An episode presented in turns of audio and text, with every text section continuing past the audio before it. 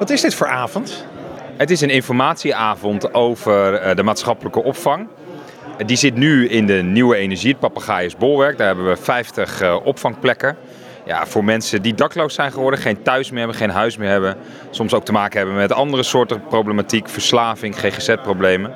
En er is hier een nieuwe gebiedsontwikkeling gaande, het Energiepark. En daar komt ook een nieuwe maatschappelijke opvang. En de informatieavond vanavond ging over hoe komt die eruit te zien, wat is belangrijk, om hoeveel kamers gaat het, waar zitten de ingangen. Hoe past dat in de hele gebiedsontwikkeling? Wat vinden de bewoners belangrijk? En dat hebben we hier vanavond met uh, omwonenden besproken. Wat misschien nog wel het meest spannend is, dat zei uh, net zei ook een van de bestuursleden van de wijkvereniging. Er komen natuurlijk heel veel nieuwbouwwoningen bij, waardoor die maatschappelijke opvang en het reguliere wonen veel dichter bij elkaar gaat komen. Ja, dat is ook gewoon spannend. Waar nu uh, de maatschappelijke opvang een beetje weggedrukt zit in een hoekje, zo kunnen we dat eigenlijk wel ja. zeggen, is dat straks echt voorzien binnen een woonblok en binnen een woonwijk.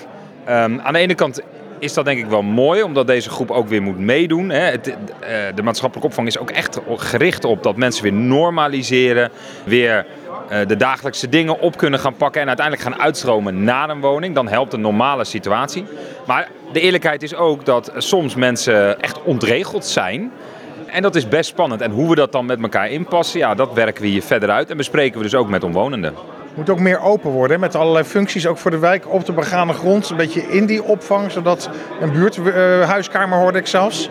Ja, dat is voorzien. Hè? En daar was ook de nadrukkelijke uitnodiging van uh, op welke manier we dat uh, willen gaan vormgeven. Uh, de nadrukkelijke uitnodiging aan de buurt om daarover mee te denken omdat ja, we zien ook binnen gebiedsontwikkelingen dat plekken voor ontmoeting steeds belangrijker worden. Nou, dat kan straks het toekomstige energiepark zijn, maar ook binnen zo'n woonblok, een binnentuin of zo'n huiskamer. Is het dan de bedoeling dat mensen uit de buurt daar samen met uh, cliënten van de dak- en thuisloze opvang bijvoorbeeld samen een kop koffie kunnen drinken? Ja, bijvoorbeeld als dat kan, zou ik me dat zomaar kunnen voorstellen. Maar misschien ook wel uh, heel snel informatie kunnen halen. Of als er een incident heeft plaatsgevonden, dat ze kunnen schakelen met uh, de binnenvest. Laagdrempelig aan de bel trekken. Ja, ja bijvoorbeeld. Hè. Dus dat er echt dat er wel duidelijk is, hé, hey, daar is die opvang. daar wonen mensen, daar werken mensen aan herstel. Maar daar kunnen we ook mensen op aanspreken als er is iets mis is gegaan. Ja, die functie, zo zien we dat voor ons. Saskia, jullie gaan hier binnen een paar jaar nieuwbouw krijgen voor de maatschappelijke opvang van de Binnenvest. Wat, wat gaat er veranderen vergeleken met nu? Uh, nou, ik denk dat je wel kan spreken van een aardverschuiving. Want uh, cliënten gaan er enorm op vooruit. Ze kunnen dan een uh, eigen plek krijgen waar mensen echt tot rust kunnen komen en uh, kunnen landen en uh, zich voor kunnen bereiden op, op, een, op een goede vervolgplek. Ja, want er zijn waarschijnlijk maar heel weinig mensen die dit horen, uh, die wel eens in de dakloze opvang binnen zijn geweest. Ik ook niet. Maar hoe is dat nu?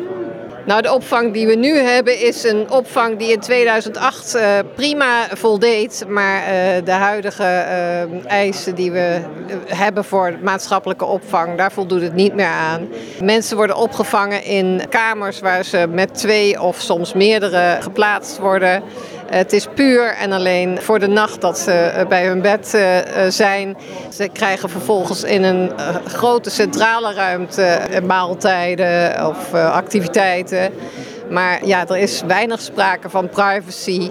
Uh, en uh, een prikkelarme omgeving is het zeker niet. En dan straks na die aardverschuiving, uh, ja, hoe ziet het er dan uit? Dan hebben mensen sowieso al een eigen slaapkamer waar ze zich kunnen terugtrekken. Het is kleinschaliger als het gaat om de woonkamers. Ik denk echt een, een, een rustige omgeving waar mensen echt tot zichzelf kunnen komen. Wordt het groter dan het nu is? Want het, het is wel ongeveer net zoveel mensen die jullie gaan opvangen, hè? een stuk of 50. Het wordt ge gemaakt voor 50 uh, cliënten. Ja, je weet natuurlijk ook niet waar het over vier jaar uh, naartoe gaat. Hè, hoe dan uh, de situatie is rond de dakloze problematiek, die op het moment natuurlijk heel fors is. dus het wordt ook zo ontworpen dat het desnoods kan gebruikt worden, ook voor andere groepen. He, als, als, er minder daklozen zijn op te vangen. Ja, ja voor het, het, het, zou ook studentenkamers kunnen worden op termijn. Als er meer worden? We gaan er niet vanuit. Dan moeten we andere dingen gaan regelen, maar daar gaan we niet vanuit. Het worden er dus misschien sowieso al een beetje minder, omdat één groep niet meer hier opgevangen gaat worden, hè? de jongeren. Ja, dat is nog niet helemaal duidelijk, maar in ieder geval op dit moment zijn we bezig met uh, de laatste voorbereidingen voor de jongerenopvang op het Maansteenpad. En dat is sowieso toegezegd voor de komende drie jaar. En wellicht dat er al eerder besloten wordt om dat uh, te verlengen. Maar dat, dat is nog niet duidelijk. En hoeveel jongeren kunnen daar dan terecht? Er is een plek voor 15 jongeren. Uh, en dan hebben we specifiek voor jongeren onder de 18, vanaf 16, uh, dat is nieuw voor ons ook, doen we in samenwerking met Cardea ja. uh, vier plaatsen.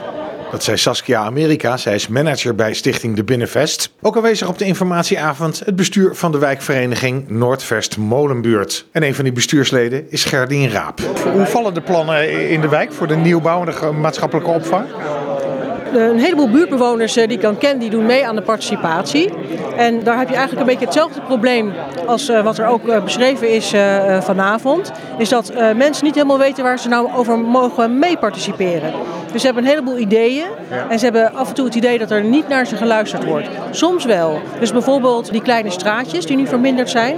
Ja, dat is absoluut uit de wijk gekomen met ervaring van doe het niet. En daar is zeker wel naar van die uh, verstopplekjes. Dat ze de verstopplekjes ja. hadden. Ja. Maar ik weet ook via via is dat er op dit moment wel wat issues zijn uh, met het participatieplatform.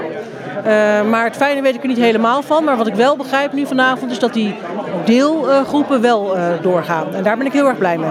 Er werd uh, verteld straks in de nieuwbouw worden ongeveer net zoveel mensen opgevangen als, als, als nu het geval is. Hè?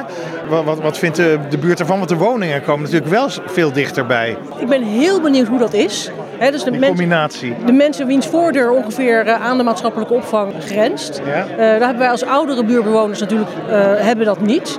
Maar ik, ik, ik, ik, zou niet weten of ik, zou, of ik daar zou willen wonen. Maar goed, dat is wel spannend. Dat, is zeker, dat lijkt mij heel erg spannend, uh, inderdaad. Ja, maar misschien hebben we met de huidige woningnood uh, sommige mensen helemaal geen keuze. En zijn ze blij met een woning. En waar wij wel heel erg blij mee zijn als buurt is dat er woningen komen. Ja. Want alles beter dan dat uh, evenemententerrein dat uh, een paar jaar geleden gepland uh, was. Dus wij staan er helemaal achter dat er allemaal mensen in de wijk komen wonen. En wij staan ook nog steeds achter het feit dat mensen opgevangen worden in de maatschappelijke opvang. Dat is nooit een issue geweest voor de wijkvereniging dat die mensen er niet mochten zijn.